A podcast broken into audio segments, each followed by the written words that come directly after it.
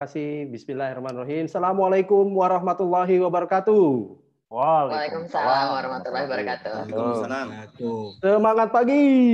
Pagi. Pagi, Pak. Luar biasa. Semangatnya. Walaupun nggak kompak karena eh, apa ada lagging time ya, tapi rasanya eh, semangatnya tuh bisa dirasakan gitu kan di sini ya. Eh, Terima kasih Bapak-bapak, Ibu-ibu, teman-teman sekalian yang berkenan hadir. Izinkan saya share dulu sebentar. Nanti yang paling penting adalah kita dengarkan ini eh, bintang tamu kita, narasumbernya Mbak Desi Bahir. Oh, Mbak Desi Bahir ini luar biasa, masih muda sekali ya. Nah, kebetulan ibunya teman saya, jadinya eh, apa eh, harusnya manggilnya keponakan gitu ya. Aduh, nggak gitu lah mas. Tapi kayaknya jangan panggil om ya, nggak enak gitu kan. Oke, sekali sekali lagi terima kasih eh, apa Mbak Desi udah hadir. Jadi hari ini eh, topik kita ini sangat menarik karena eh, apa menyangkut apa yang kita hadapi selama tiga bulan terakhir. Jadi eh, saya ke mana-mana beberapa apa eh, dua tiga tahun terakhir ini selalu bicara mengenai adaptasi digital.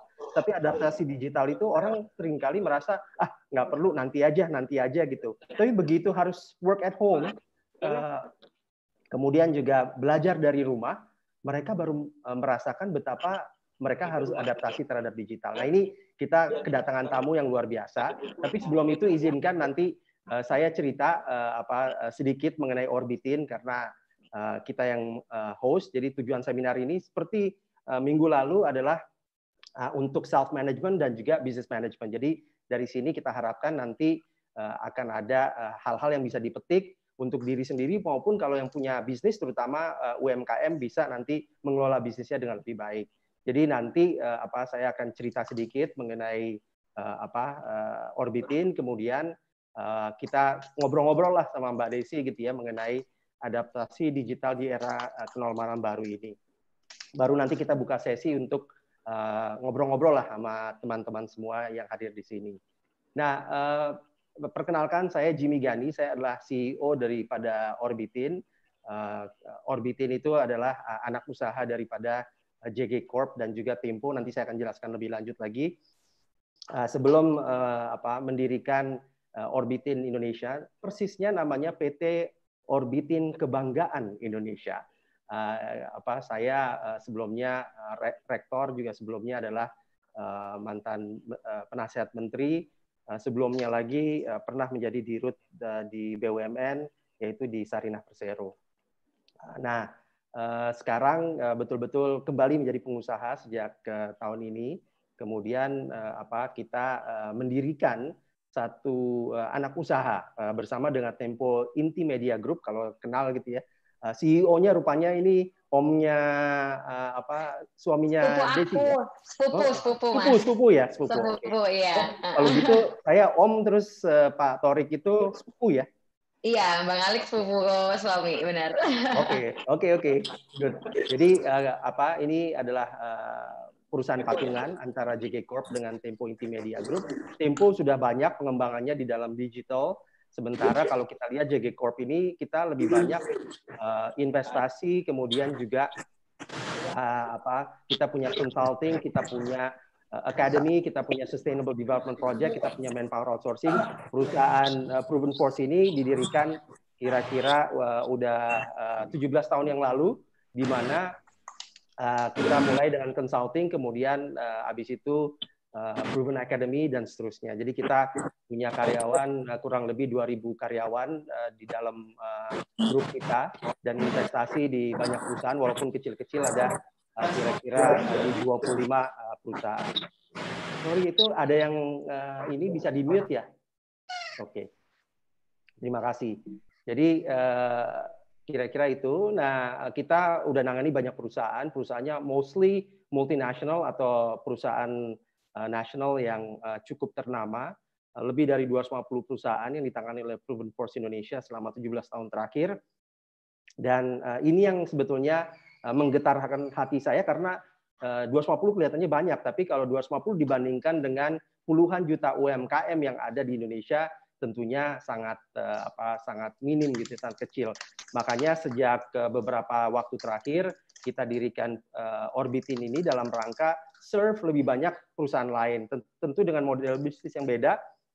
Yang tadinya model bisnisnya itu apa kita masuk ke perusahaan kemudian kita berikan jasa konsultasi dan tentunya uh, tidak murah untuk uh, melakukan program seperti itu. Tapi sekarang kita taruh di digital platform uh, dan juga membantu dengan kita kerjasama dengan berbagai macam Eh, provider yang lain untuk menguatkan apa UMKM ini. Jadi tujuannya untuk launch bisnis mereka ke orbit dan juga untuk akselerasi. Jadi kita bersifat inkubator, akselerator dan sekaligus juga marketplace. Jadi in in short kita adalah uh, marketplace kira-kira uh, apa agregator, sorry. Ini visi kita, misi kita, mohon izin. Kemudian ini uh, Orbitin berada di tengah antara user dengan provider jadi kita udah banyak sekarang uh, mitra dan kita terus cari mitra yang kira-kira nanti bisa bermanfaat untuk uh, apa teman-teman UMKM maupun juga enterprise yang besar ya. Tapi kita fokus untuk uh, menangani uh, beberapa komunitas antara lain pelajar, UMKM, profesional dan juga startup. Nah itu kira-kira. Nah uh, tema daripada uh, acara mingguan ini adalah Rise to the Challenge. Rise to the Challenge adalah buku yang ditulis oleh Mas Memo dan Pak Dr. Ervin Eh, yang diluncurkan dua tahun lalu dan ada di toko-toko buku sekarang eh, termasuk Gramedia. Izin saya terakhir ini apa menampilkan video dari Rise to the Challenge. Habis itu kita boleh ngobrol. Siap orang. Oh dia masih. Itu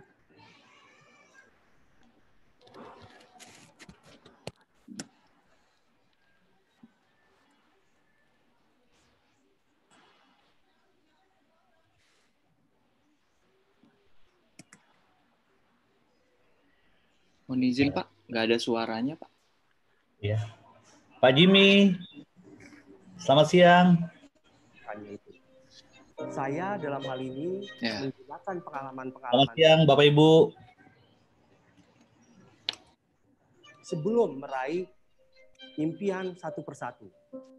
Inilah yang ingin saya tularkan, inspirasikan kepada para pembaca agar mereka juga bisa rise to the challenge mereka bisa bangkit dan menghadapi tantangan yang ada di depan mata untuk menggapai mimpi itu. Jimmy Gani adalah seorang anak muda yang mempunyai self-efficacy yang tinggi. Dia mampu mengetahui dengan jelas potensi yang ia miliki dan tahu tujuan hidupnya dengan jelas dan tahu bagaimana caranya untuk mencapai tujuan tersebut. Oh, sorry, sorry. Oke, okay, uh, eh, saya rasa uh, itu uh, apa kita uh, cut aja. Jadi uh, Rise to the Challenge adalah satu ajakan untuk bangkit menghadapi tantangan dengan menggunakan ilmu, uh, di mana tentunya ilmu ini penting untuk mendapatkan dunia dan akhirat. Nah, kemarin minggu lalu kita bahas secara garis besar mengenai eight dimension of wellness. Nah, kali ini kita ingin bicarakan sesuatu yang luar biasa tentang adaptasi digital. Nah, eh, kita kehadiran eh, Mbak Desi Bahir, Chief Marketing Officer dari Samara Media dan Entertainment, walaupun masih muda dan dan terlihat segar sekali gitu ya. Tapi Mbak Desi ini udah luar biasa, udah membangun karirnya dari 15 tahun apa di integrated marketing. Beliau apa mendapatkan S1-nya dari University of Indonesia, S2-nya dari University of Sydney, kemudian sekarang ini adalah CMO daripada Samara Media seperti yang kita bisa baca uh, di sini. Jadi pengalamannya luar biasa. Uh, apa beliau juga professional master of ceremony, moderator, uh, experience radio broadcaster and podcaster. Banyak sekali lah kira-kira uh, apa pengalamannya Mbak Desi ya. Untuk itu saya nggak lama-lama lagi kita langsung diskusi aja. Mbak Desi, selamat pagi Mbak Desi, apa kabar? Selamat pagi, Mas Jimmy. Selamat pagi semuanya. Assalamualaikum warahmatullahi wabarakatuh. Waalaikumsalam warahmatullahi wabarakatuh. Waalaikumsalam warahmatullahi wabarakatuh. Saya minta tolong uh, yang tidak uh, apa uh, bicara, tolong di zoom, eh, di mute dulu ya supaya kita nggak ada suara di background sehingga Mbak Desi bisa fokus nanti untuk uh, menjawab. Ini luar biasa nih Mbak Desi. Mbak Desi masih work from home atau udah udah di ini Uh, saya sih uh, masih dari rumah mostly gitu. Cuman kalau misalnya ada yang mendesak, uh, udah mulai ada ke kantor gitu. Jadi kayak kan mulai minggu lalu kan sudah mulai masuk masa transisi ya di Jakarta. Jadi kami juga ada mungkin satu dua meeting lah gitu. Tapi nggak nggak tiap hari sih gitu. Jadi seperlunya aja karena ternyata kan kerja dari rumah juga bisa. Walaupun ada hal-hal yang emang nggak bisa ya Mas Jimmy ya kalau misalnya nggak ketemu langsung gitu kan. Cuman iya. kalau misalnya masih bisa ya kami dari rumah gitu. Oke, jadi ini tapi masih masih juga keluar-keluar juga ya? Iya keluar hanya seperlunya aja sih mengikuti uh, protokol anjuran pemerintah ya. Kalau misalnya mau belanja kalau nggak perlu-perlu banget nggak keluar, hanya uh, online aja kan sekarang semua semua udah online sebenarnya yang paling berbahaya ini adalah untuk uh, ini apa online shopping saya gitu karena iya. aku nggak tahu teman-teman di sini tuh gimana ya tapi ini daftar transaksi saya di toko-toko online udah makin banyak banget gitu. oh gitu, makin banyak justru ya? ya karena makin banyak yang dirasa, dirasa jadi perlu ya karena di rumah kan selama ini kan mungkin agak sering keluar rumah tapi di rumah itu kayak ada inilah tanaman lah apalah apalah kan gimana caranya biar makin betah di rumah juga gitu ya dia udah gitu, itu aja sih. Jadi sementara orang lain kehilangan bisnis, tapi Mbak Desi justru nambah nih bisnisnya nih. Ah, kan yang tadi kan yang nambah kan daftar belanjaan. Tapi sebenarnya alhamdulillah, jadi mungkin kalau aku boleh menjelaskan sedikit Silakan. mengenai Samara Silakan. Media Entertainment, ini kan masih Boleh. baru ya, mungkin teman-teman juga belum belum pada dengar karena sebenarnya kami juga sama seperti Orbitin, kami juga adalah sebuah JV gitu. Jadi baru baru baru berjalan tahun lalu. Uh, sebelumnya tuh kalau dilihat tadi, aku pengalamannya pastinya belum sebanyak dan seekstensif uh, Mas Jimmy, tapi dalam waktu berapa ya lima tahun belakangan ini semenjak aku mulai uh, usaha bisnis sendiri itu udah banyak sekali perubahan yang terjadi. Jadi tahun 2015 itu saya uh, membuat perusahaan yang ber berputar seputar soal influencer marketing gitu. Tahun 2015 itu belum banyak mas yang ngerjain influencer marketing gitu. Jadi itu baru baru-baru banget lah gitu yang fokus di influencer marketing, di content marketing itu belum sebanyak sekarang. Aku bikin tahun 2015 namanya Avenue. Tahun 2018 kami merger dengan tiga perusahaan lain yang uh, bergerak di bidang sama, influencer dan konten juga, tapi di vertikal-vertikal yang berbeda.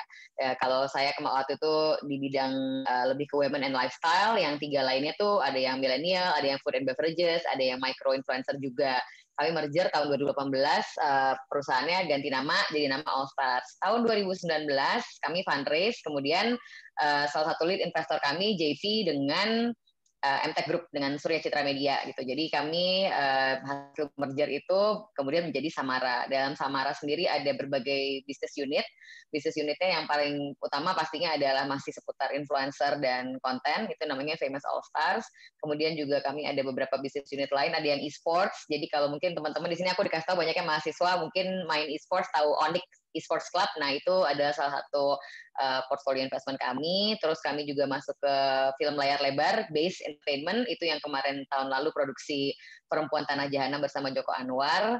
Uh, kemudian kami juga ada production house dan uh, yang satu lagi adalah Samara Live yaitu event promotor. Samara Live sendiri sebenarnya dari 9 tahun lalu udah pernah udah bikin namanya Idea Fest. Jadi Idea Fest sudah tahun ke 8 tahun lalu uh, itu dan kami melakukan berbagai macam event lainnya juga. Jadi selain Idea Fest yang merupakan adalah kreatif festival untuk yang yang entrepreneur dan yang profesional, kemudian kami ada festival keluarga juga namanya Wonder Fest, terus kami ada festival halal juga namanya Jakarta Halal Things dan berbagai hal lainnya lah gitu. Cuman memang dalam kondisi pandemi yang seperti sekarang ini, eh, aku rasa pasti semua orang juga terefek ya gitu, terutama kalau misalnya dari sisi aku yang plannya paling uh, langsung jadi obsolete dan langsung langsung di rework adalah bisnis uh, event promotor. Karena event promotor itu kan eventnya ya offline ya mas gitu. Jadi kan kami kan tiap tahun tuh kami ada IP sendiri gitu. Dan yang datang kan ribuan sampai puluhan ribu gitu. Kayak wow. Idea Fest aja tahun lalu udah dua puluh ribu yang datang Wonder Fest yang festival anak keluarga tiga puluh ribu. Jakarta Halting sepuluh ribu. Kemudian ada on off festival tuh juga sepuluh ribu gitu. Dan itu tuh udah sangat tidak mungkin lagi untuk dilakukan gitu. Jadi waktu pertama-tama mulai ini kan awal tahun kita masih optimis ya.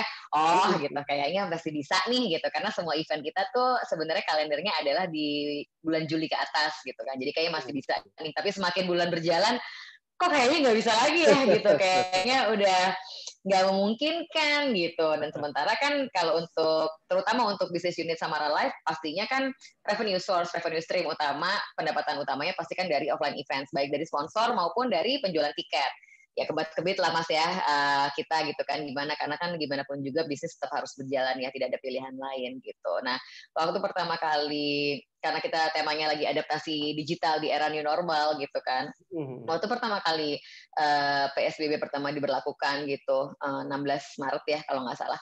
Uh, terus kan kita kan udah mulai tuh kerja dari rumah, terus kami udah mulai berpikir gimana ya gitu, ada berbagai pikiran lah gitu, apakah uh, event kita ini bisa dibuat offline. Kan online kan udah mulai banyak tuh waktu itu awal yang bikin Instagram live lah apalah apalah gitu. Tapi kami merasa kayaknya kok orang tetap butuh hiburan tetap butuh inspirasi terus kemudian tetap ingin berbuat baik juga gitu. Jadi salah satu gebrakan pertama yang kami di Samara Media Entertainment lakukan uh, lewat tangannya Samara Live adalah membuat online uh, streaming festival yang pertama waktu itu kayaknya. Itu kami buat hanya dalam 10 hari mas jadi oh. dalam 10 hari, jadi kita ngobrol, saya ngobrol dengan partner, sebelum ngobrol dengan tim, ini gimana ya gitu kan ya, gimana ya kita uh, menyikapi ini gitu kan. Nah itu tuh kita mulai ngobrol tuh ya belasan lah ya, belasan Maret itu beberapa hari setelah PSBB. Kemudian 10 hari selanjutnya, tang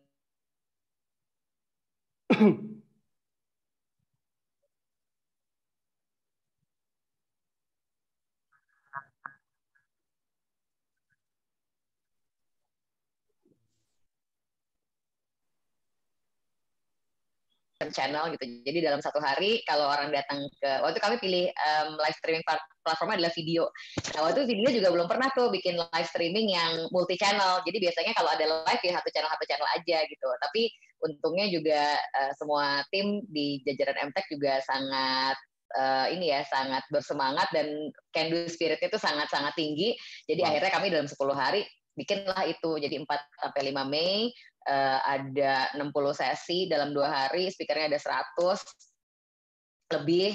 Uh, kemudian juga waktu kami juga sangat happy gitu karena kami sebenarnya targetnya hanya 50 ribu viewer aja waktu itu kan namanya juga kalau bikin event offline kan bikin 50 ribu itu kayak udah banyak banget ya mas udah kayak iya, GBK gitu 100 kan. aja susah gitu kan. Uh, uh, tapi kemudian waktu itu kami yang event yang pertama itu kami dapatnya tuh 130 ribu unique viewer wow. gitu. Jadi kami juga sangat sangat-sangat termotivasi gitu kan jadinya gitu. Dan waktu juga disambut dengan ternyata uh, pihak-pihak brand sponsor juga banyak yang pengen bikin kayak gitu. Tapi belum tahu caranya belum ada partnernya. Dan karena kami yang pertama uh, akhirnya jadi bisa. Dan setelah itu kan mulai banyak tuh. Live stream fest sekarang udah berjalan tiga kali. Jadi yang kedua itu dua minggu setelahnya gitu. Itu juga orang bilang kayak gila kalau bikin offline event nggak mungkin banget ya baru bikin sekarang dua minggu lagi udah langsung bikin gitu. Tapi ya karena kami sifatnya adalah online jadi ya kami rasa bisa deh ya gitu kan. Ya udah jadi itu. Yang kedua kita bikin 17 sampai 19 April. Yang ketiga uh, kemarin pertengahan bulan Mei dalam edisi Ramadan. Kemudian yang keempat akan dilaksanakan akhir bulan ini gitu. Jadi uh, itu aja deh. Saya kayak itu sih salah satu mungkin contoh uh, adaptasi digital yang aku dan tim lakukan gitu dalam era kenormalan baru gitu ya. Karena dulu tuh kita rasa itu nggak mungkin gitu. Nggak ada tuh yang pernah namanya bikin event cuma 10 hari. Mau online kayak wow. mau offline kayak biasanya kan nggak ada gitu ya. Tapi ya karena mau nggak mau ya gitu. Dan cara caranya tuh gimana? Caranya memang dengan apa ya? Dengan mental nggak ada yang nggak bisa sih gitu. Pokoknya yeah. mental kepepet aja kepepet lah mentalnya. oh kalau kepepet pasti bisa deh gitu. Benar jadi menarik dari off, yang biasanya offline event ini tiba-tiba dalam 10 hari harus adaptasi masuk ke uh, online event gitu ya? Ah uh, banget gitu. itu gimana itu bisa orang-orangnya? Orang-orangnya kan orang-orangnya.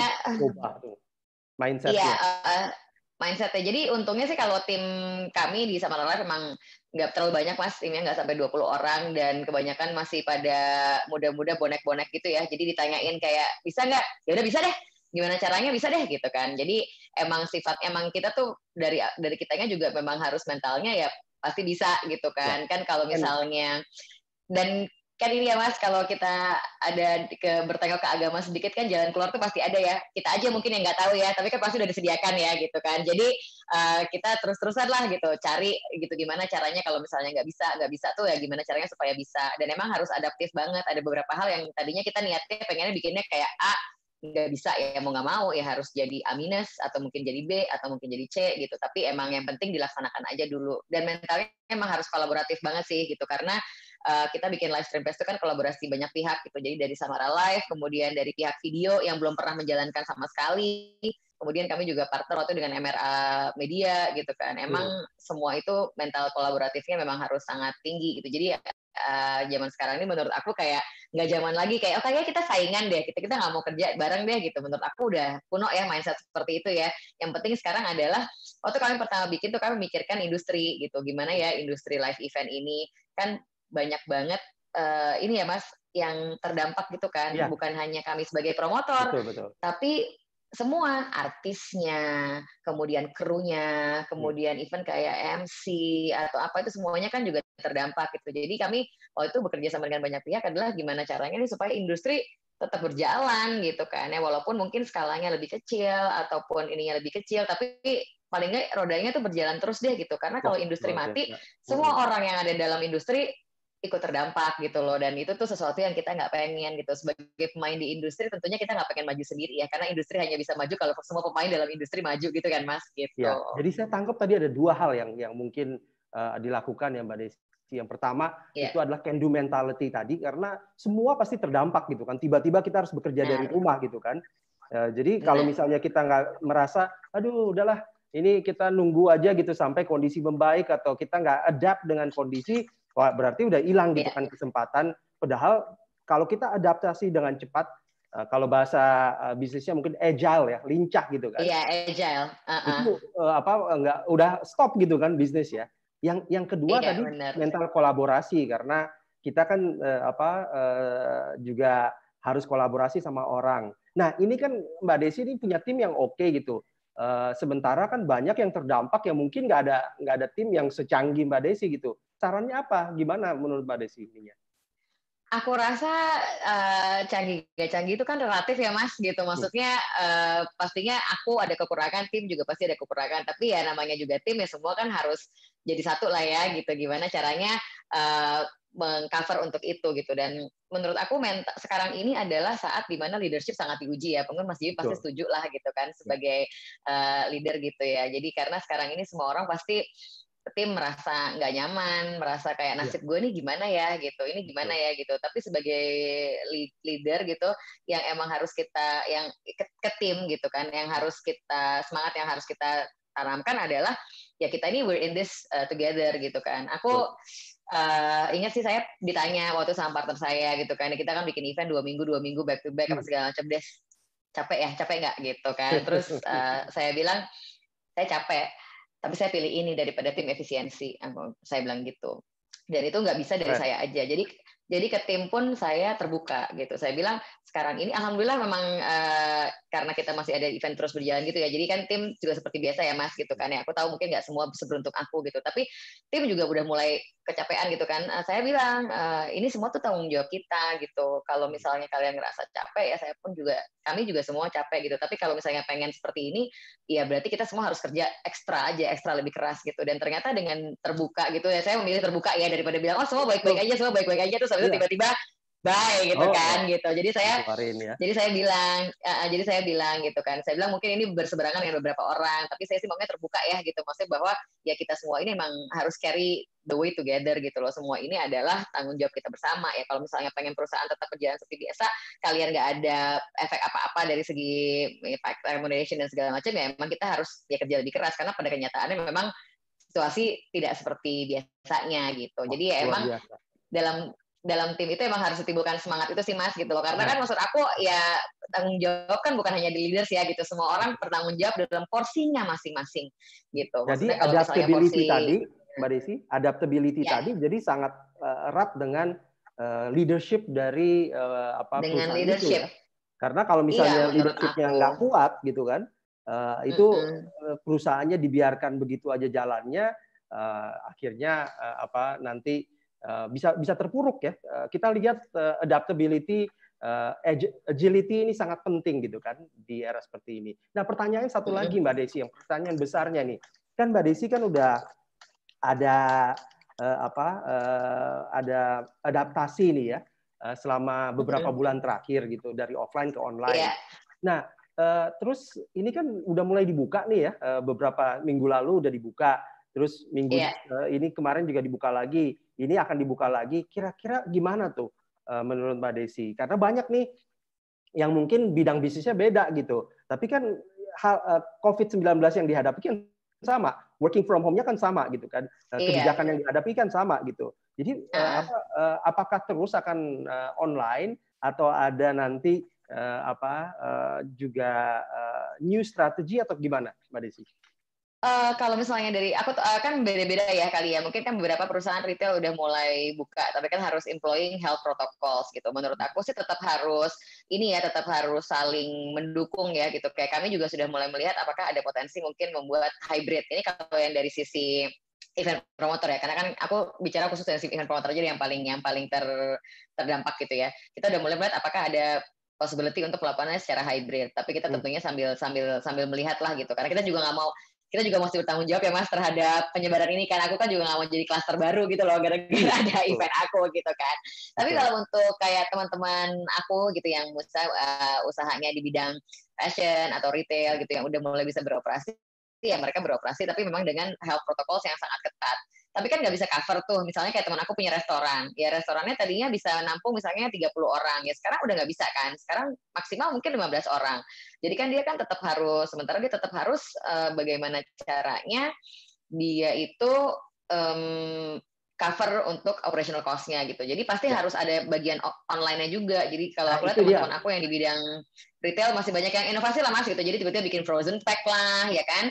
Tiba-tiba bikin menu-menu baru, yang di bidang fashion tiba-tiba jualan masker lah, jualan jaket APD lah gitu. Jadi menurut aku memang harus diimbangi. Kalau misalnya sudah bisa offline ya bisa, tapi kan tetap itu kan nggak bisa balik seperti dulu. I think new normal is not back to normal, right? Gitu kan. Jadi kan kita juga nggak bisa gitu. Nah sama kayak pendidikan nih ada yang ngomong pendidikan ya pendidikan juga mungkin udah mulai hybrid lah gitu. Jadi menurut aku emang si O2O online to offline online to offline offline to online ini juga harus semakin dikencengin lagi gitu loh untuk semua pelaku bisnis. Itu sebetulnya kan memang udah didengung-dengungkan dari dulu ya, tapi ini lebih lebih cepat yeah. lagi ya sekarang ya. Jadi, ya itulah mas the power of kepepet lah kalau ada kepepet semua juga jadi deh gitu kan. Benar.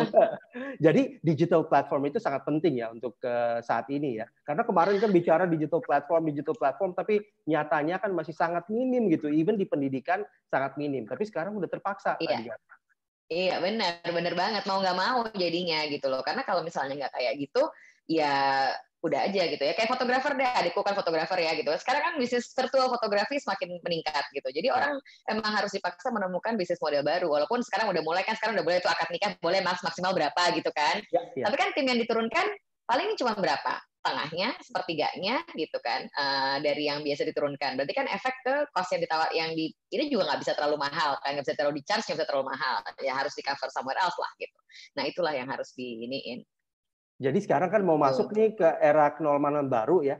Uh, jadi yeah. Iya. uh, perlu ada strategi yang uh, apa membungkus dan juga menjembatani arah offline dengan online tadi. Hybridnya itu sangat penting gitu ya ke depannya ya. Iya, hybrid itu sangat sangat penting sih menurut aku. Jadi semua itu juga udah mulai karena dari dulu, even mas dari dulu sebelum walaupun aku bisnisnya bergerak digital marketing ya, aku selalu bilang kalau nggak perlu-perlu banget go digital ya mungkin nggak usah gitu loh, nggak usah masuk ke suatu bisnis karena digital tuh kayaknya keren gitu. Kayaknya kalau gue nggak digital, kayaknya gue ketinggalan zaman loh. Tapi kalau misalnya memang bisnisnya atau target audiensnya itu nggak cocok ya jangan dipaksa. Tapi kayaknya sekarang mau nggak mau ya harus masuk ya jadinya ya. Kayaknya gitu. semuanya harus ya sekarang ya. Harus ada digital platformnya, jadinya, harus ada hybridnya. Jadinya sekarang harus ada hybridnya itu sih menurut aku gitu. Kalau misalnya emang nggak bisa 100% online atau nggak bisa 100% offline ya harus dipikirin lah bagaimana caranya supaya hybridnya itu bisa gitu.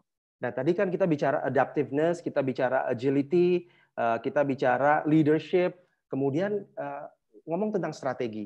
Jadi strategi apa yang direkomendasi oleh eh, Mbak Desi? Kalau tadi kan apa kolaboratif strategi gitu kan, kira-kira gimana nih supaya kan mereka ngadepin sesuatu yang baru, tiba-tiba jangan sampai kaget gitu. Kok tiba-tiba saya masuk ke bisnis mencoba untuk melakukan hal yang lama, terus tiba-tiba uh, apa nggak taunya nggak nggak nggak jalan lagi gitu karena udah nggak normal lagi iya. seperti normal yang dulu gitu Iya iya iya. Aku rasa memang semua bisnis apa pun situasinya seberat apa pun, ada krisis apa pun kan seharusnya semua harus berbalik lagi kepada konsumen ya mas, gitu kan ya. ya.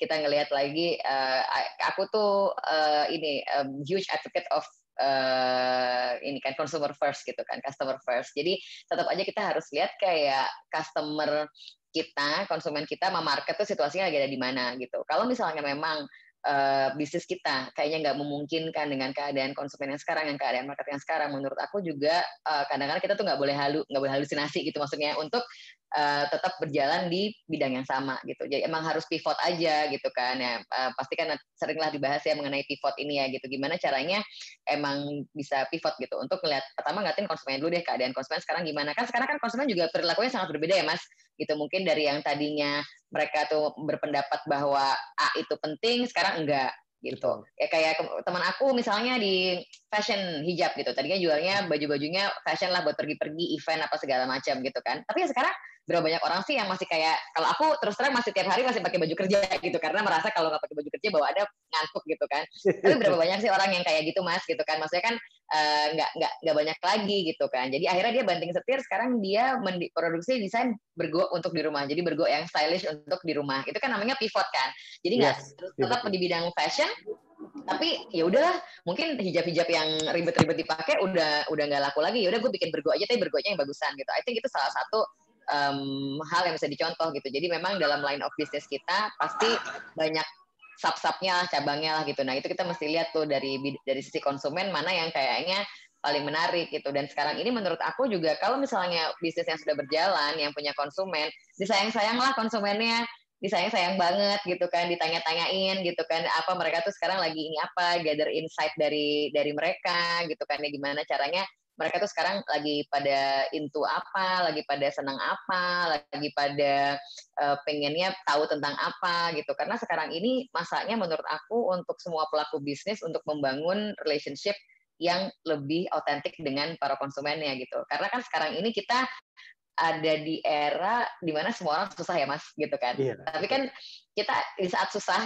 kita kan ingatnya sama yang baik sama kita kan kalau di iya. saat susah gitu ya. Jadi buat aku aku sangat menghargai kan aku kan ikut tuh langganan beberapa kayak olahraga lah, studio apa segala macam. Aku sangat menghargai mereka yang tanpa diminta tuh udah langsung ngomong bahwa ya udah biaya biaya eh, lo gue cuti ini ya gitu. Jadi kayak tiga bulan ini nggak usah bayar biaya apa apa karena kita nggak ada Betul. gitu. Ketimbang yang aku mesti kayak ini kenapa ya saya mesti bayar ya kan saya kan kan nggak ada gini gini gini gitu. Jadi hmm. akhirnya pada saat nanti semua ini suatu satu hari nanti kita akan kembali ke masa yang lalu gitu kita akan ingat siapa aja sih yang yang sangat peduli sama konsumennya yang ini sama kita gitu. Sama dengan brand-brand yang sekarang banyak mengeluarkan kayak konten edukatif tanpa harus minta jadi mungkin tadinya platform edukasi berbayar gitu ya tapi dengan adanya ini mereka menggratiskan. Ya buat saya itu adalah gesture yang sangat baik karena aku tahu mereka pasti susah juga gitu kan ya iya. gitu untuk mengeluarkan itu secara gratis. Tapi um, sekarang ini adalah uh, kalau misalnya memang punya bisnis kembali ke tadi ada saatnya untuk build a real connection sama konsumennya supaya konsumen tetap ingat sama kita karena kalau nggak kayak gini nanti ya ya hilang aja mas sudah setelah ini ya iya. kita mesti mulai dari nol lagi dan itu sangat sulit gitu. Jadi uh, customer first kemudian betul-betul kita uh, menunjukkan care gitu ya. Wah menarik yeah, banget benar. ini uh, Mbak Desi. Jadi apa adaptability itu penting, kemudian agility, kelincahan itu penting, leadership itu penting, terus harus ada strategi untuk yang di adjust sehingga kita uh, bisa uh, apa melihat bisnis model yang baru untuk uh, menggabungkan antara offline dan online. Wah kita ini banyak sekali ini pertanyaan. Uh, saya coba uh, ini ya satu-satu. Oh, ada ya. banyak pertanyaan ya. Uh-uh. Oh iya. Ini satu dulu nih dari Mbak Grace gitu ya. Mbak Grace bilang saya mau bertanya dan kondisi kenolongan baru ini kita dituntut untuk serba online kan tadi yang kita bicarakan mulai dari online shop semakin banyak sekolah-sekolah muridnya juga punya YouTube channel content creator juga banyak nah yang membuat kita berbeda itu apa apalagi untuk pemula yang belum mempunyai tim seperti Pak Jimmy dan Ibu Desi karena bagaimanapun siap untuk tidak atau tidak memang harus siap survive hidup di era digital. Ada skill khusus kah atau persiapan apa dulu? Nah, gimana tuh Mbak Desi? Mungkin aku pengen tanya dulu kali ya Grace, ini business owner atau apa ya supaya lebih okay, lebih lebih lebih jelas. Uh Mbak Grace kalau misalnya uh, apa boleh dibuka mute-nya silakan. Ya. Uh, Silakan Mbak Grace. Iya. Uh, iya, terima kasih. Uh, bisa dihidupin videonya supaya kita bisa lihat seperti apa Mbak Grace ini. Oh, bentar. Tapi nggak apa-apa sambil ngobrol ngomong juga apa-apa. Sambil. Nah, sip. Oh ya. Jadi kan berasa ngobrol gitu ya, Mas. Uh, uh. Ya, makasih udah dibacain pertanyaannya. Uh, saya baru mau mulai usaha bisnis online. Saya mau buka Shopee karena kan gimana ya kalau zaman sekarang ini kayaknya rada susah gitu kalau untuk buka toko toko secara langsung gitu. Cuman kalau ngelihat semua orang udah jualan di Shopee, di Tokopedia, di Instagram gitu kan. Kadang kita bingung, mereka juga udah banyak kasih diskon yang berbeda. Apakah kita buat sesuatu yang berbedanya itu yang bagaimana ya Bu Desi? Oke, okay, uh, eh, jadi ini pertanyaannya adalah karena Mbak Grace uh, lagi pengen membuat ini usaha baru gitu kan ya. Nah, iya. menurut aku nomor satu yang harus disiapkan tentunya adalah niat dan mental. Karena uh, uh, apa namanya kalau kita mentalnya adalah oh semua udah banyak pada saat kita mulai nanti gimana nanti gimana ya udah kita nggak mulai-mulai aja sih ya uh, Grace menurut aku gitu. Dan kalau misalnya tadi bilang membuat buka toko itu susah, ya sebenarnya enggak karena kan sebenarnya di Tokopedia atau Shopee segala macam itu kan tinggal buka aja ya. Kalau mau buka Instagram account juga tinggal buka aja gitu kan. Nah itu uh, buka tokonya nggak susah, tapi yang susah kan adalah mendapatkan tractionnya gitu ya, mendapatkan hmm. kayak pembelinya, mendapatkan ini gitu. Nah itu di mana uh, kalau di market itu kan ada selain ada produknya juga harus ada promosinya gitu kan. Nah memang harus mulai di promosi-promosi dimulai ada usaha-usaha promosi. Nah, menurut aku gitu kadang-kadang orang tuh suka terlalu mikir kayak oh gue nggak bisa nih kayak bisnis A karena dia timnya banyak, karena dia budget marketingnya banyak gitu. Tapi kita selalu bisa mulai dari yang deket-deket dulu kok gitu. Dan kalau misalnya buka toko, carilah support system yang terdekat, carilah teman dan keluarga gitu. Maksudnya menurut aku uh, ibu-ibu di WhatsApp grup itu sangatlah ganas, dijualin apa aja biasanya beli. itu benar kan ya Mas Jimmy, benar nggak? Uh, gitu. Jadi menurut aku kadang-kadang orang itu terlalu mikir yang enggak-enggak gitu loh. Oh budget marketing gue harus tinggi apa? Enggak deh, mulai aja dulu dari WhatsApp dulu, WhatsApp grup dulu. Pasti kan punya lah, paling nggak WhatsApp grup keluarga, WhatsApp grup alumni SD, SMP, SMA, kuliah gitu kan. Eh, gue punya ini ini ditengok oh. ya gitu. Terus udah gitu juga bisa untuk mulai mempromosikan gimana marketing budget. Oke nggak punya duit, tapi kan punya produk. Mulai ya kirim-kirim ke teman-teman. Karena kadang-kadang gini, orang pikir oh gue nggak punya duit buat endorse uh, influencer gitu. Hmm. Tapi menurut aku semua orang itu influencer Mas Jimmy di lingkungannya iya. masing-masing. Kalau misalnya Mas Jimmy, misalnya influencer lah pasti di keluarga paling enggak gitu kan ya. Hmm. Bayin influencer lah paling enggak di keluarga beli makanan apa paling enggak keluarga terinfluence kalau datang ke ini atau itu tuh bisa gitu loh. Jadi menurut aku mulailah dengan yang kayak gitu-gitu dulu gitu. Produknya dibuat yang bagus dulu, yang yang sebaik mungkin.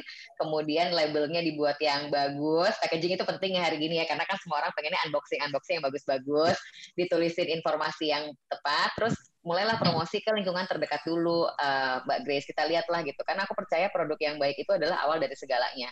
Kalau misalnya produknya baik dan sesuai dengan selera dan konsumen insya Allah pasti bisa lah gitu kan. Dan mungkin kan kita juga targetnya pertama kan berapa dulu berapa dulu gitu. Mintalah bantuan dari teman-teman terdekat dulu gitu. Menurut aku sih nggak usah nggak usah malu ya untuk bilang kayak eh tolong bantuin ya Betul. promosiin cobain ya. Kalau misalnya suka boleh ya direkomend ke teman-teman. Itu sih menurut aku bukan sesuatu yang ini ya yang yang berlebihan ya gitu. Nah itu jadinya uh, mungkin yang bisa dimulai tapi yang penting dimulai aja dulu deh gitu. Uh, satu lagi mbak. Mau nanya uh, kan kalau contohnya saya ngelihat dari Instagram gitu banyak orang yang jualan itu captionnya mereka unik-unik apakah seperti itu perlu juga gitu kayak bahasa-bahasa yang kekinian atau yang gimana gitu tergantung dari target konsumennya masing-masing. Kalau target konsumen anak muda pastinya harus mengikuti bahasa-bahasa yang udah ada. Jadi menurut aku mulai aja rajin-rajin ngeliatin kayak account-account yang pasti kan kalau kita mau bikin bisnis ada kompetitor, ada review kompetitor dulu dong kira-kira oh kayaknya gue pengennya jadi kayak A kayak B gitu lihat aja mereka tuh gimana tuh temukan bahasa sendiri gitu karena uh, walau fotonya secantik apa pun sekarang orang juga lumayan suka baca sih ya gitu jadi disesuaikan aja lah dengan market dan konsumen itu sih tips kalau dari aku gitu. Oke. Okay. Makasih, makasih Pak Ji, makasih Bu Desi.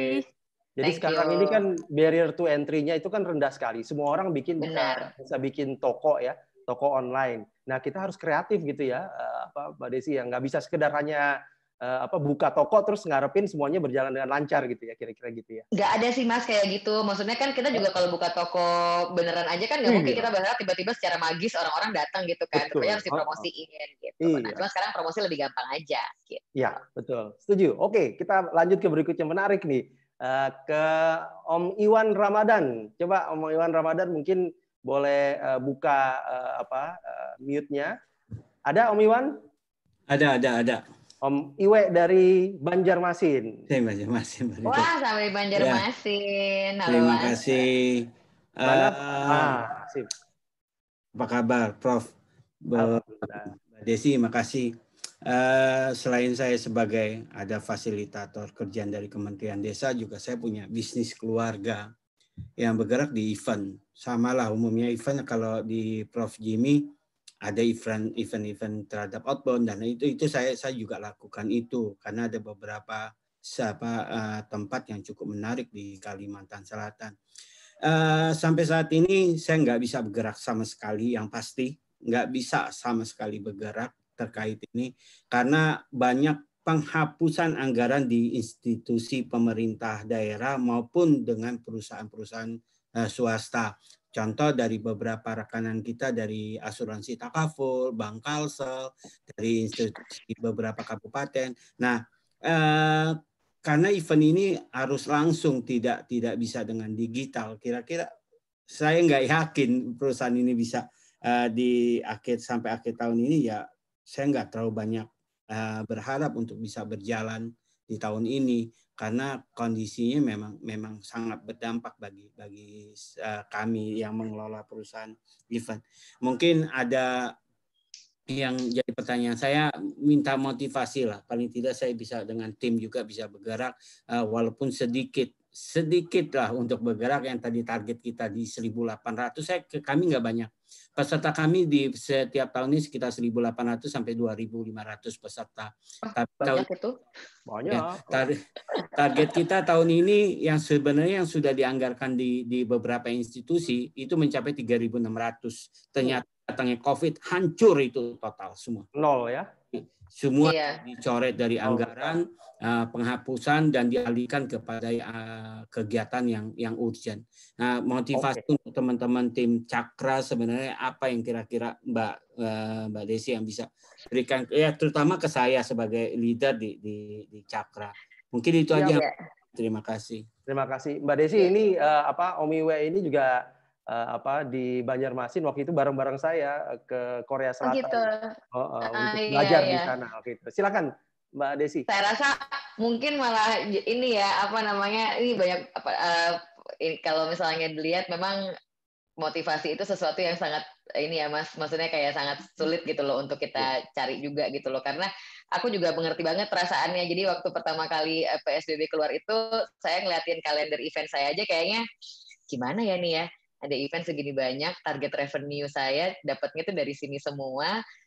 Tapi ini semua nih kayaknya terancam kandas nih gitu, nggak nggak nggak nggak nggak kayaknya bisa jadi kayak nol gitu, jangan-jangan gitu kan ya.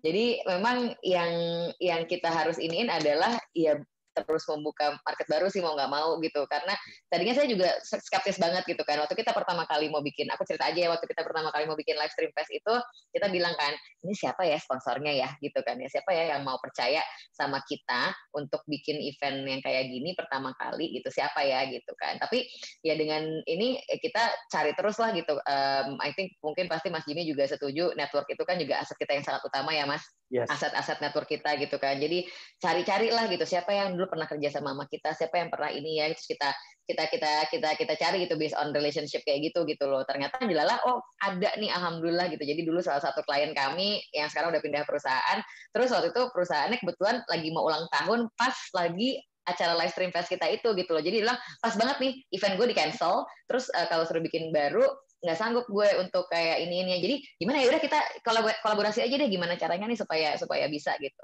Nah terus abis itu kan mulai ada skeptis lagi kan. Oh berarti cuma bisa dapetin sponsor bisnis bisnis dari yang udah kenal kenal aja gitu kan. Tapi kan dia tetap usaha nih. Ternyata live stream fest yang kedua sponsor kami itu kita nggak pernah ada engagement sama sekali sama brand itu. Sama sekali nggak pernah. Jadi nggak pernah ada yang kenal. Semuanya lewat jalur cold call gitu ya. Bener-bener kayak kirim proposal. Yeah, yeah. terus ternyata oh di ini di, ditanggapi dengan baik ini ini apa segala macam terus kemudian kami sign gitu dapat title sponsor gitu untuk event yang kedua itu. Jadi ternyata kalau misalnya dilihat-lihat ternyata semua itu bisa gitu loh. Maksudnya yang tadinya kita pikir oh nggak mungkin ada yang mau paling cuma yang kenal-kenal doang paling ini apa segala macam. Ternyata oh bisa nih gitu. Jadi sebenarnya asal kita aku rasa pasti uh, Pak Iwan juga udah berpengalaman ya, udah banyak ininya asal kita portfolionya bagus, kita punya nama yang baik gitu kan. Kita selama ini selalu ngerjakan amanat dengan baik yang diamanahkan ke kita. Itu pasti ada aja sih, cuman emang modelnya aja yang mesti berubah gitu. Yang tadi dibilang, oh nggak mungkin perusahaan-perusahaan ini melakukan secara digital ya. Mungkin mesti cari lagi perusahaan lain apa deh yang kayaknya masih open gitu untuk melakukannya secara digital gitu. Bahkan aku lihat aja sekarang BUMN kan udah mulai bergerak ya ke arah ini kan. Ya. Jadi itu juga sebenarnya suatu market baru gitu yang tadinya aku pikir BUMN pasti lama nih ya gitu kan ya movingnya gitu kan ya. Ya kan Mas Jimmy kan ada skep ada stigma itu kan. Nggak sama betul. sekali nggak sama sekali gitu loh. Tapi memang emang harus diniatkan dengan produk yang baik dan juga rajin-rajin untuk memanfaatkan itu sih network network kita sih gitu loh. Maksudnya gimana caranya kita bisa minta minta uh, ini ya maksudnya kayak untuk kesempatan lah paling nggak untuk memperkenalkan produk kita gitu. Karena ya itu aku sih sebenarnya sangat sangat sangat kagum yang waktu yang tim aku sih sebenarnya yang kreditnya luar biasa. Yang waktu yang LSF yang kedua itu tiba-tiba aku bilang loh ini siapa yang kenal ya? Nggak ada mbak. Kita kirim bener-bener kirim kirim proposal wow. terus kita dedesin aja terus gitu kan. Gimana pak? Gimana? Pak ya namanya juga sales ya kan? Sales kayak gitu ya mas Jimmy ya gitu iya, kan. bener, harus bener. selalu gitu kan gitu. Gimana nih gimana gitu. Eh ternyata tembus gitu. Jadi setelah itu ya mindset tim juga jadi berubah total gitu kan. Oh jadi ternyata bisa ya yang tadinya awal nggak ada yang nggak ada ini sama sekali ternyata bisa gitu. Jadi memang tapi ya tapi memang harus dimulai dengan can do mentality tadi ya mbak Desi ya. Jadi kita bisa kita iya. bisa kita bisa gitu. Begitu menemui kesulitan kesulitan akhirnya bisa uh, terus melakukan apa langkah-langkah iya. gitu ya. Kalau enggak kita udah nekat. Ne, betul, nekat, nekat sama gitu ya. Uh, kita juga sama iya. apa uh, pada saat orang uh, terpuruk justru kita di situ uh, kesempatan untuk uh, apa bisa uh, memotivasi. Ini ada yang terima kasih Om Iwe tadi. Jadi uh, ini ada pertanyaan lagi Mbak Desi. Izin kasih, bertanya. Bagaimana membangun motivasi untuk membuat sebuah bisnis? Karena biasanya sudah terpikirkan ingin membuat sebuah bisnis, tapi selalu ada rasa mager dan takut gagal. Gimana tuh Mbak? Oh iya iya iya, pasti Mas Jimmy juga sering kan ditanyain yang kayak gini ya. aku aku itu ya sebenarnya kalau boleh cerita sedikit saya itu latar belakangnya adalah profesional. Jadi saya selama 10 tahun pertama karir saya tuh kerja di uh, Unilever Indonesia gitu. Dari mulai dari training sampai uh, terakhir terakhir saya keluar tahun 2014 gitu kan. Dan apa namanya uh, habis itu kan punya usaha sendiri ya. Terus kan ditanya, eh apa sih yang mesti disiapin kalau misalnya mau punya usaha sendiri? Gitu? Apakah modalnya ataukah skillnya ataukah apa? Gitu. Saya bilang saya selalu bilang bahwa yang pertama kali harus disiapkan adalah mental. Uh, karena yang namanya jadi pengusaha itu jatuh bangunnya luar biasa. Dan saya nggak setuju tuh Mas Jimmy kalau ada orang yang bilang eh doain ya gue cepet naik kelas terus keluar dari dari jadi karyawan terus jadi pengusaha. Aku bilang jadi pengusaha nggak naik kelas sama aja. Menurut aku itu nggak ada nggak ada nggak ada bukan bukan perbedaan kelas ya Mas gitu. Sama aja tinggal pilih aja sama susahnya kok kalau nggak lebih susah lagi ya malahan lebih ya. susah, kan? uh, ya gitu. Kalau if not harder gitu ya. Tapi kan semua itu kan hanya pilihan aja gitu menurut aku. Dan yang paling kan adalah mentalnya. Karena sebagai uh, pengusaha yang harus memotivasi diri kita sendiri adalah hanya diri kita sendiri aja. Kalau waktu masih di perusahaan kan ada bos nih ya yang mecut-mecutin kan. Eh mana deadline lo? Mana kok ini belum? Kok ini belum? Target revenue lo gimana? Kayak gitu-gitu. Tapi sebagai pengusaha yang harus menyemangati diri adalah kita sendiri gitu nggak nggak ada yang lain gitu. Jadi kalau misalnya tadi mental mentalnya sulit karena mentalnya mager gitu ya menurut aku sih memang ya, ya sulit ya gitu. Mungkin emang nggak berarti mungkin jalannya bukan di situ gitu kali mungkin. Ya. tapi gimana caranya supaya nggak mager adalah motivasinya apa sih? Kenapa sih pengen punya usaha? Menurut aku banyak orang yang pengen punya usaha karena apa ya mas misalnya pengen punya title keren gitu. Karena kalau punya usaha kan langsung jadi CEO gitu kan, langsung jadi apa gitu. Tapi motivasinya apa? Karena menurut aku yang akan membuat kita tidak mager adalah motivasi terdalam dari diri kita. Apa yeah. sih yang membuat kita ingin menjalankan usaha ini? Apakah karena kita macam-macam? Buat buat orang-orang beda-beda. Ya kalau misalnya memang motivasi utamanya adalah uang, ya aku nggak nyalain juga ya mas gitu. Karena ya buat beberapa orang mungkin uh, uang itu motivasi nomor satu gitu misalnya tapi kan ada hal-hal lain gitu misalnya uh, perasaan kayak bisa bertanggung jawab atas uh, suatu keluarga baru gitu kan karena kalau punya usaha kan pasti rasanya lebih invested gitu kan ke dalam situ gitu terus misalnya ingin memberikan impact ke community pengen memberikan impact ke suatu bidang usaha, pengen memberikan impact ke siapa, atau buat beberapa orang pengen memberikan warisan kepada anak cucu misalnya. Dan semua itu tuh Eh, nggak ada yang salah menurut aku. Motivasi mulai dari mulai dari uang ke eh, impact atau apa tuh semuanya tuh adalah motivasi dari diri kita. Dan itu yang biasanya membuat kita nggak nggak mager gitu loh. Kalau kalau waktu kalau untuk untuk saya emang saya pengen create uh, an impact gitu kan ya buat buat buat industri lah industri apa pun yang lagi saya kejarin gitu makanya kemarin kayak bikin Nah, Streamfest adalah untuk industri live event. Kalau bikin kita bikin lagi bikin event apa, semuanya ada impact-nya. Kalau bikin ini ada semua ada ada adalah impact-nya gitu. Nah, itu yang membuat saya lebih semangat dan nanti akhirnya pada saat udah ada tim motivasi adalah berubah menjadi ke tim gitu kan ya bagaimana saya bisa me, apa ya nurture lah gitu tim saya. Saya iya. bangga banget kalau ada tim saya bisa presentasi sendiri tanpa saya. Bangga banget. Kalau bisa sign deal sendiri tanpa harus saya ikut presentasi. Saya bangga banget gitu. Dan itu sebenarnya motivasi-motivasi yang membuat saya terus-terusan untuk bertahan gitu. Walaupun sebenarnya jatuh bangunnya sangat banyak gitu. Dan kalau takut gagal menurut aku ngapain juga banyak pasti ada gagalnya kok. Bikin kue aja bisa gagal kok.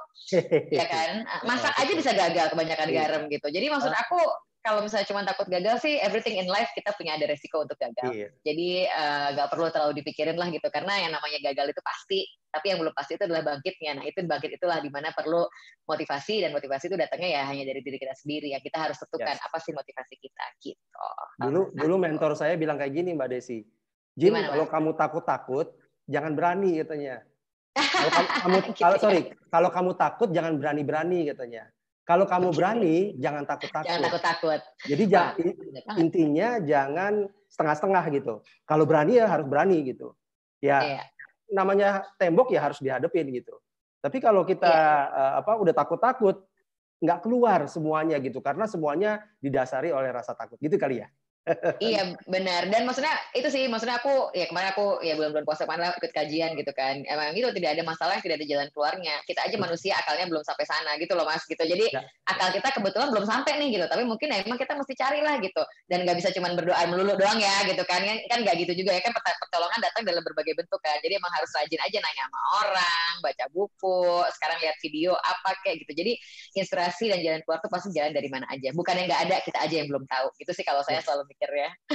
Selalu mencari gitu ya kira-kira ya. Iya. Oke. Okay. Uh -uh. Ini ini banyak yang ngasih komentar juga ada yang menyampaikan adaptasi digital, transformation uh, of digital itu dialami di HR. Kemudian ada dari Pak Junedi ini, ah ini dia ingin bertanya nih.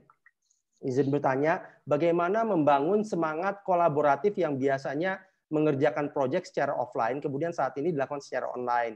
Saya bekerja di bagian HC Learning and Development dan sedang membangun new learning culture di era digital transformation ini.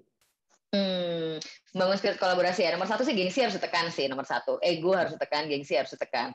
Karena pada saat kita kolaborasi itu kan adalah ya kan kayak kawin aja ya Mas Jimmy ya gitu kan. Pada saat kita kolaborasi gitu kan atau kita pacaran gitu ya. Karena ini kita tarik eh, banyaknya mahasiswa mungkin belum ini. Pada ya. saat kita membangun sebuah hubungan pastinya kan harus ada uh, kepentingan bersama yang lebih penting daripada kepentingan pribadi gitu. Hmm. Nah, pada saat aku misalnya kalau ajak orang kolaborasi gitu ya, tentunya aku nggak bisa bilang bahwa, oh nanti uh, kayak gini, kayak gini, kayak gini, sementara gue akan dapat ini ini. Sementara dia mikir, gue dapat apa ya dari sini ya? Kalau cuma manfaatkan gue doang, tapi uh, gue nggak dapat apa-apa gitu. Intinya sih membangun semangat kolaborasi adalah menurut aku ya dari aku pelajari adalah menekan ego, ego ya. menekan ego, menekan gengsi bahwa memang kita ini mengerjakan ini bersama. Jadi ya I have to get something, you have to get something, dan harus pola pikirnya dibangun adalah si partner aku ini dapat apa dulu nih gitu. Karena aku lumayan percaya bahwa kalau kita juga empati gitu mikirin orang lain gitu harusnya mereka juga ikut mikirin kita gitu. Karena kalau kita udah mulai dengan mikirin kita diri kita sendiri duluan ya ya udah baik aja gitu loh. Orang akan tahu gitu. Kita tuh niatnya cuman omong-omongannya udah mau kolaborasi padahal sebenarnya mau memanfaatkan gitu kan iya. sebenarnya gitu. Jadi, jadi ke, menurut aku sih ya, itu saling iya, memberi manfaat uh, gitu ya. Wah oke okay, iya, menarik. mm, Nah, kita coba tanya juga ini eh, Mbak Clarissa ada nggak? Mbak Clarissa Huang, coba kalau misalnya masih ada, silakan dibuka mute-nya. Dari Medan ya, aku baca. Iya, dari Medan. Mbak Clarissa. Selamat pagi. Pagi. Boleh Halo, dibuka Mbak. videonya. Oke, sip. Silakan Mbak Clarissa, apa yang mau ditanya? Uh, jadi, saya mau minta tips nih mengenai pengiklanan pengiklanan dan promosi. Saya sudah mm -hmm. mencoba untuk saya mempunyai usaha kuliner. Um, mm -hmm. Sudah mencoba untuk promosi melewati Instagram Ads, terus mm -hmm. sudah ada berbagi ke teman-teman dekat untuk minta feedback dan uh, endorse influencer, tapi penjualan tetap tidak meningkat karena di saat seperti ini kan perekonomian pun um, ikut terdampak gitu. Jadi saya mm -hmm. ingin tips dan strateginya. Nah, gimana okay. tuh Mbak Desi? Silakan. Terima kasih ya. Oke, okay. nah ini aku sering banget dapat pertanyaan ini. Aku udah endorse, aku udah ini, kok udah ini kok nggak meningkat juga gitu kan. Nah, menurut aku kalau dari sisi marketing kan selalu ada, eh aku sekarang udah berapa sih? Kalau dulu kan waktu zaman aku kuliah kan cuma 4P ya Mas Jimmy ya. Sekarang udah berapa P ya? Kayaknya nambah-nambah melulu kan ada produk, price, promotion, sama iya. place gitu kan ya. Yeah. Nah sekarang kan place-nya kan distribusi kan semua lewat online gitu kan. Yeah. Nah tadi kan ditanya soal promosi. Tapi menurut aku empat hal ini saling berkaitan. Gak bisa kita bilang aja oh promosi gue nggak nggak berjalan nih gitu. Nah kita mesti lihat dulu produknya gimana. Tadi kan uh, Clarissa udah bilang minta feedback ke teman-teman. Nah feedback itu seperti apa? Apakah udah sesuai atau belum? Apakah masih ada yang harus diimprove gitu kan? Nah itu mungkin juga jadi salah satu poin. Yang kedua adalah mengenai uh, endorse uh, influencer. Apakah mengendorse influencer yang tepat? Gitu. Hmm. Kadang-kadang aku misalnya nih akan aku gerak di bidang influencer marketing ya gitu banyak banget yang bilang bahwa iya iya nih gue endorse si ini gitu kan untuk coffee shop di Jogja karena orang ini rumahnya di Jogja. Padahal orang ini followernya tuh orang Jakarta semua karena memang dia tuh bangsa sebulan dua kali tuh di Jakarta gitu. Jadi kan berarti kan tidak sesuai nih gitu. Hmm. karena yang di endorse adalah orang yang sebenarnya nggak terlalu relevan buat orang Jogja tapi malah lebih relevan untuk orang Jakarta. Padahal produk yang di endorse adalah produk yang ada di Jogja. Ini misalnya ini contoh. Jadi uh, nomor satu uh, terus iterasi produknya gitu kan ya. Cari cari input dari teman-teman tadi apakah benar produk ini sudah sesuai. Kemudian tadi ada faktor price juga kan. Jangan-jangan produknya sesuai tapi harganya yang belum sesuai jangan-jangan kemahalan misalnya. Atau jangan-jangan kemurahan. Ada juga orang yang mau beli kemurahan. Ada ada ya ada. Terus uh, itu yang menurut aku yang harus dilihat. Karena karena semua empat hal itu saling berkaitan menurut aku itu juga nggak bisa disalahin dari salah satunya gitu. Jadi kita emang harus banyak introspeksi sih kalau misalnya dari segi bisnis gitu. Kalau promosi tidak berjalan apa? Apakah jangan-jangan ini aku nggak bicara untuk kasus Clarissa ya, tapi eh, yang sudah-sudah yang banyak yang udah ngobrol ke aku gitu. Misalnya promosinya udah gila-gilaan, tapi giliran di WhatsApp balasnya lama, atau sold out dulu, harus stok terus gitu, atau customer service-nya misalnya kurang baik gitu. Nah itu juga semua hal yang saling berkaitan. Tapi kalau dalam kasus promosi khususnya, menurut aku nomor satu adalah lihat apakah mempromosikan di jalur yang tepat, uh, apakah menggunakan influencer influencer yang tepat? Apakah jangan-jangan nggak perlu influencer? Instagram ads aja cukup? Atau WhatsApp grup keluarga aja cukup misalnya for now gitu. Ataukah bisa dites dengan uh, harga yang berbeda-beda? Mungkin juga iterasi produk. Nah itu mungkin yang bisa dicoba sih gitu untuk meningkatkan penjualan gitu. Atau mungkin bisa juga collab. Tadi kan kita lagi bicara banyak collab kan? Misalnya produknya apa terus collab dengan siapa gitu. Aku lagi lihat banyak banget yang suka collab nih kayak uh, ini contoh aja kayak itlah tempat uh, ini favorit aku tempat makan ayam uh, telur asin favorit aku. Dia uh, collab sama Benedict bikin kue. Sebenarnya kan dia nggak jualan kue tapi dia collab karena collab itu jadi masing-masing sama-sama promosikan jadi akhirnya jadi naik jualannya gitu. Nah itu tuh yang juga bisa dilihat juga dalam berpromosi gitu. jadi itu kan dari sisi marketing kemudian collaboration. Saya sedikit nambahin mbak Desi ya. Jadi kalau di sisi operations produknya itu sendiri konsumen tuh kan melihat QCDS quality cost delivery sama service. Jadi bagaimana kualitasnya? Apakah kualitasnya itu sesuai dengan harga yang kita tawarkan? Jangan-jangan kemurahan tadi, kualitinya tinggi tapi harganya kemurahan. Jadi orang bingung kenapa kok produk bagus kayak gini terlalu murah, orang jadi curiga. Kemudian cost-nya, apakah cost-nya juga tadi uh, kompetitif dibandingkan kompetitor? Kemudian delivery-nya, kesinambungannya. Jangan-jangan udah udah pesen sama uh, Mbak uh, Clarissa nggak taunya datangnya baru sebulan kemudian gitu kan? Eh, itu itu tentunya akhirnya orang males gitu. Sekali order habis itu nggak lagi. Nah, yang terakhir service. Bagaimana kita bisa memberikan service yang luar biasa? Seperti yang tadi Mbak Desi sampaikan, sekarang ini waktunya kita fokus ke customer itu karena kalau misalnya kita nggak fokus, orang lain yang memberikan eh, apa QCDS tadi, orang berikan promo, orang memberikan quality terbaik, kemudian delivery-nya juga cepat, on time, dan juga service yang luar biasa. Terima kasih Mbak Clarissa. Terima kasih untuk menjawabnya. saya. Ya, salam untuk Medan ya. Oke. Okay. Oke, uh, ini ada satu pertanyaan lagi dari Mbak Desi. Ini tinggal dua satu menit, boleh nggak kita perpanjang? Oh, iya, satu menit. Oh, oh ya. Kita perpanjang boleh ya? Oke, sip, sip. Nah, katanya eh, Mbak Desi siap untuk perpanjang. Soalnya banyak banget nih.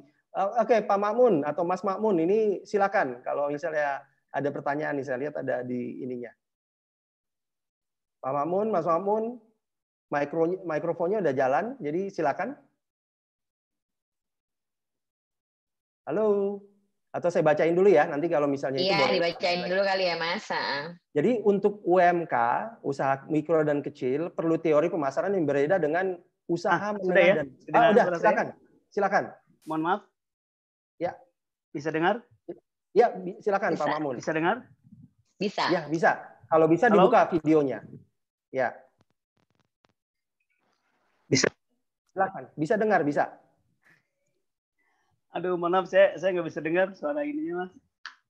Halo? Oh, Oke. Bisa sih. Kalau gitu kita dibacain Oke, aja kita kali ya Mas Jimmy. bacain aja tadi ya. Nah, jadi sekarang? saya setuju. Oke, Udah, udah bisa dengar. bisa dengar. Oke, silakan. Singkat Iya. ya, soalnya kita Eh, waktunya tinggal dikit. Iya. Jadi saya kebetulan mengajar marketing sejak tahun 82 di Institut Pertanian Bogor. Kemudian eh, tahun 2000 barusan kita, kita sadari bahwa marketing yang kita ajarkan untuk perusahaan besar dan menengah. Sedangkan 99,9 persen usaha kita yang Indonesia ini usaha mikro dan kecil. Jadi saya setuju kalau mau digital marketing itu harus eh, melihat konsumennya kan. Iya. Lalu juga disebutkan ada istilah apa tadi eh, hybrid digital gitu ya. Nah, saya ingin mendengar itu saja. Terima kasih.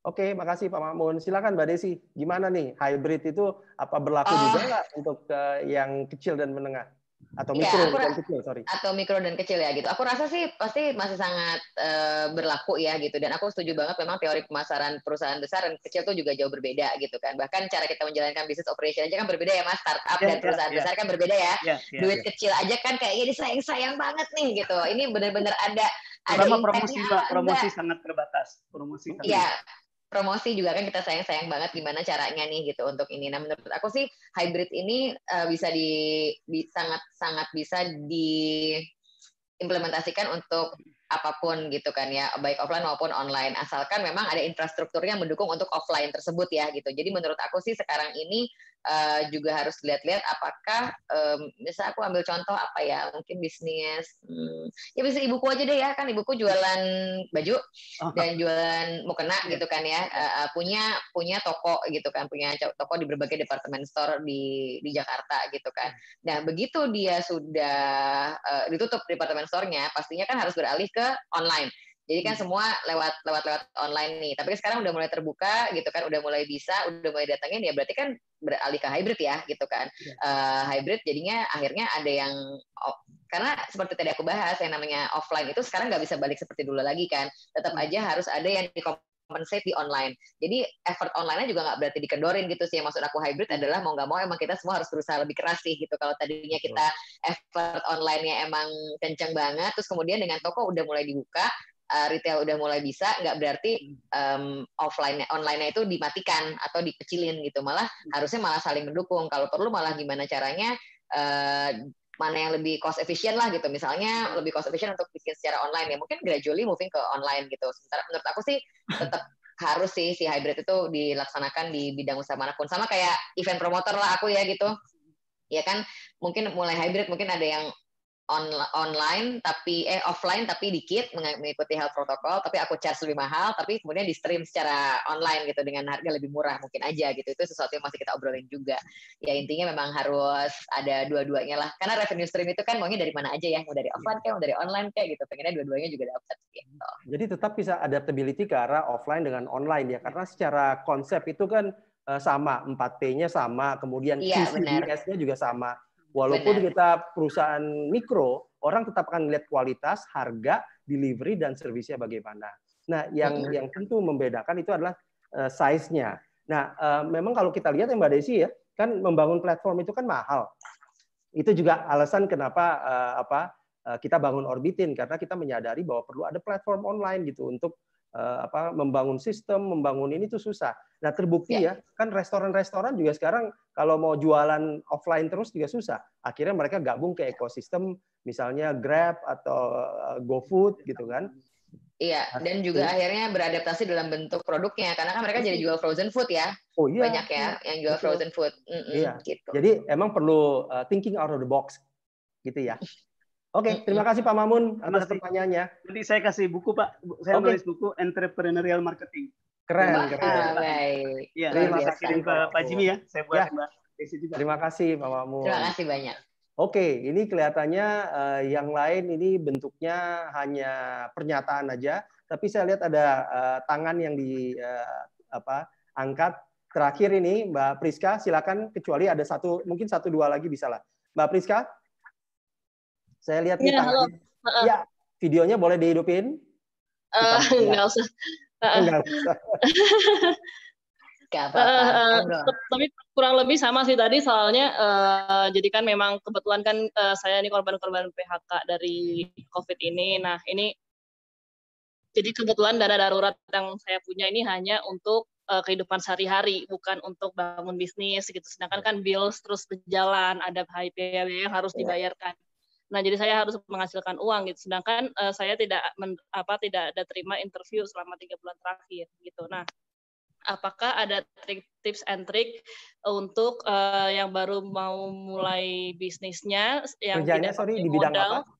Mbak, uh, marketing kemarin. Marketing, oke. Okay. Sales. Uh, iya, sales betul. Yeah. Ya. Uh, nah, jadi kan rencananya memang saya mau menjual, nah, tapi apakah uh, masih bingung karena belum ada modal dan uh, bagaimana cara mengembangkannya sehingga bisa menghasilkan uang begitu. Terima kasih. Oke. Okay. Oke. Okay. Emang pertanyaan paling sulit pertama itu ya Mas ya mau jual apa ya gitu kan. Iya, Dan biasanya iya. uh, kalau aku selalu tanya pilih apa sih gitu jual yang bisa dibuat atau buat yang bisa dijual. Mm-hmm. gitu karena banyak banget orang yang jual apa aja misalnya gue buat oh karena gue jago bikin brownies jadi gue jualan karena gue jago bikin ini jadi gue jualan gitu. Padahal sebenarnya di mana belum tentu ada gitu. Kalau menurut aku pribadi sebaiknya emang kita buat apa yang bisa dijual aja gitu kan. Karena kan pada intinya kita kan pengen mendapatkan revenue gitu kan mendapatkan pendapatan. Jadi kalau misalnya aku boleh saran ya mungkin tapi semua itu tentunya harus berangkat dari apa yang kita bisa gitu ya. Nah kan itu kan selalu perkawinan antara apa yang kita bisa dan apa yang uh, laku di pasaran dan apa yang menghasilkan uang gitu kan ceritanya. Nah jadi mungkin kalau untuk Mbak Priska ya dilihat aja gitu sebenarnya apa sih uh, skill setnya gitu yang bisa membuat apa atau punya temen yang bisa diajak kolaborasi kita tadi masih semangat kolaborasi bikin apa kan Mbak Priska tadi kan bilangnya kan sales gitu mungkin nggak bisa bikin kue atau bikin baju atau bikin apa tapi punya teman yang bisa bikin tapi nggak bisa jualannya gitu kan. Jadi uh, itu mungkin bisa diajak untuk uh, kolaborasi menentukan produk apa yang dijual dan setelah itu kan uh, baru lihat dari sana baru deh kita mulai dengan aspek-aspek selanjutnya gitu kan produknya seperti apa. Tadi yang kita bahas QCDS-nya gitu ya Mas ya. Quality-nya akan seperti apa cost-nya akan seperti apa.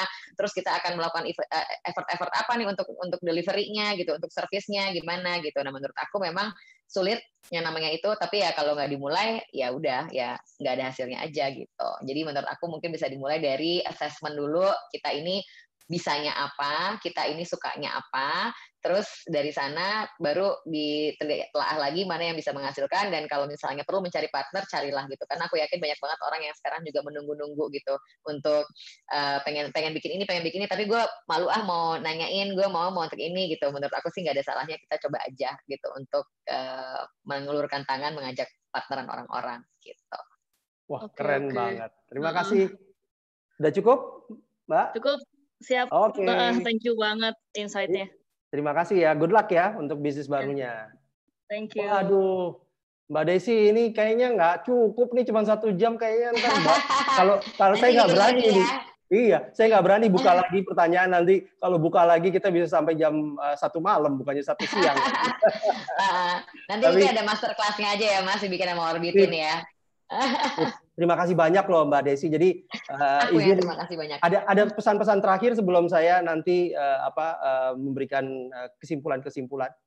apa ya dari aku cuma terima kasih banyak aja saya tahu bahwa hari Sabtu adalah hari keluarga mungkin harinya mager harinya lehe-lehe tapi buat orang-orang yang tadi ada berkomentar gimana caranya biar nggak mager menurut saya dengan mengikuti kegiatan ini itu adalah suatu bukti bahwa anda sebenarnya nggak mager bahwa sebenarnya adalah uh, ini adalah sesuatu yang you want to spend time untuk melakukannya untuk jadi lebih maju dan uh, aku rasa untuk insight-insight bisa nanti di Mas Jimmy. Tapi buat aku terima kasih banyak atas waktunya yang di spare untuk hari ini untuk mendengarkan dan semoga bermanfaat. Kalau misalnya ada pertanyaan lebih lanjut atau apa boleh DM aku aja di Instagram Instagram aku uh, eh, DC namanya Delta Eco Sierra Sierra Eco Yankee. Di search Desi Bahir juga muncul kok gitu. Jadi sekali lagi terima kasih banyak mudah-mudahan bermanfaat buat semuanya Mantap, terima kasih Mbak Desi. Tepuk tangan dulu untuk Mbak Desi. Yeay, keren. Kita undang lagi ya Mbak Desi ya nanti ya. Jadi uh, apa uh, rekan-rekan orbiters yang uh, saya banggakan, kita tadi udah mendengarkan ya sejam lebih ini kita udah diskusi.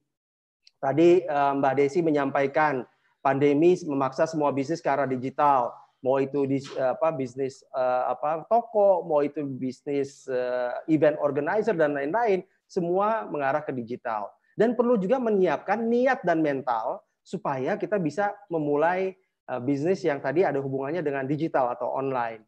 Nah, uh, mulailah promosi ke lingkungan terdekat. Jadi produk yang baik adalah awal dari segalanya.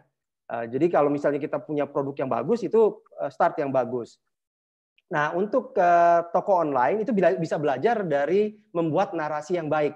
Jadi kalau narasinya udah bagus, kita punya influencer yang bagus, termasuk diri kita seperti yang Mbak Desi sampaikan. Kalau kita bisa jadi uh, apa, uh, jadi influencer yang baik, paling nggak untuk lingkungan sekitar kita, keluarga kita, teman kita, kerabat kita, itu aja udah bisa get the ball rolling gitu ya.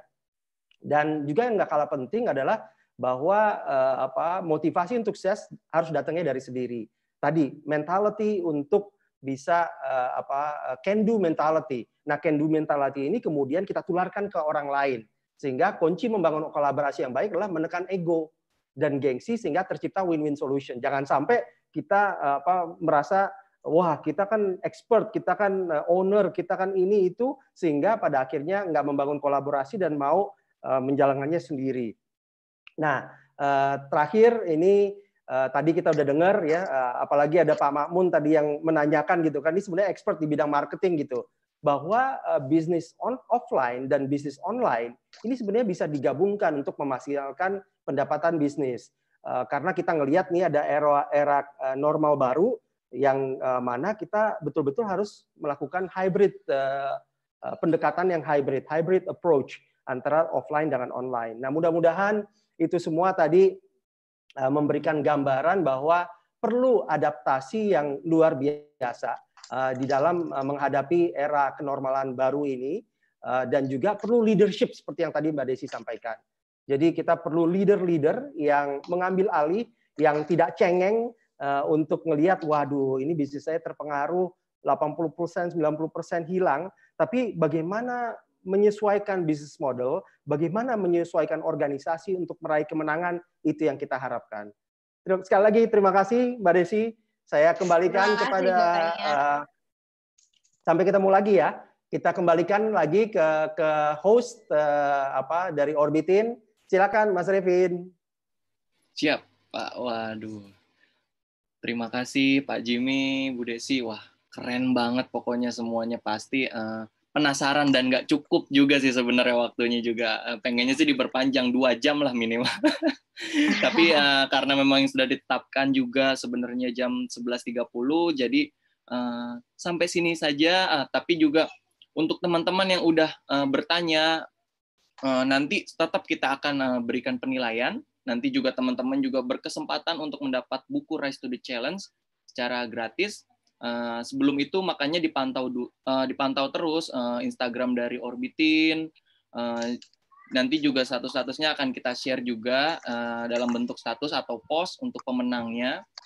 Jadi kita nggak berhenti di uh, Sabtu sekarang. Ke depannya itu akan banyak lagi narasumber-narasumber uh, yang lebih menarik. Mungkin uh, menariknya sama atau gimana nanti akan kita bahas lagi lebih lanjut. Wah, ini ini bikin penasaran juga nih pasti nih. nanti juga mungkin ada seri khususnya dari Bu Desi atau mungkin nanti Pak Jimmy akan memberikan one on one untuk konselingnya. Wah, ini kan uh, juga sangat dibutuhkan apalagi dengan kondisi yang saat ini gitu. Uh, jadi kalau bisa saya ulangi, jadi untuk seri diskusi kali ini kita juga uh, kesimpulannya mentalnya harus uh, mental yang agile, beradaptasi uh, dengan cepat. Kemudian juga mental kolaborasi timnya juga itu harus diperhatikan. Kemudian sebelum itu juga kita harus uh, leadershipnya juga harus kuat dan kemudian uh, strateginya uh, bisa di-adjust. Nah, itu uh, dari saya. Kemudian juga uh, nanti akan kita share juga uh, sertifikat Uh, jadi jangan lupa juga follow di Instagramnya orbitin underscore ID. Kemudian juga jangan lupa juga uh, follow Instagramnya uh, dari Pak Jimmy dan Ibu Desi juga. Uh, kemudian ada semesta underscore uh, Samara. Betul ya Bu? Oh, iya iya iya. Instagramnya. Jadi mungkin cukup sekian uh, yang bisa uh, kita sampaikan. uh, Buku gimana? teman-teman sekalian. Revin, Ya, buku buku akan kita kirim Pak. yang menang ya, yang pertanyaan terbaik ya, ya. pertanyaan uh, terbaik nanti tiga kita akan uh, tetap uh, semuanya yang tidak dibahas pun kita uh, berkesempatan untuk mendapat buku. Jadi uh, yang tidak dibahas uh, jangan berkecil hati, tetap uh, punya kesempatan, punya kans untuk uh, mendapatkan tiga buku. Oh, mohon maaf juga untuk pemenang yang uh, di seri uh, kemarin uh, tidak bi- uh, tidak memenuhi karena uh, nanti akan bisa kita nilai lagi dari seri berikutnya dengan giveaway yang berbeda. Jadi uh, lebih menarik lagi. Oke, mungkin dari saya itu Pak. Oke, Pak jadi Jimmy, tunggu Bu untuk Desi. pemenangnya ya. Yang Siap, penting nanti akan kita tunggu share aja. di Instagram, orbitin. Wah. Oke, good. Terima kasih. Terima kasih Desi. Terima kasih Pak Jimmy. Terima kasih. Waalaikumsalam. Terima kasih Pak teman-teman semua. Terima Bapak, kasih. Terima kasih. Terima kasih. Sampai minggu depan ya semua ya. Thank you, Pak. Thank you, thank you, thank you. Terima Sampai kasih ketemu. pencerahannya. Thank you.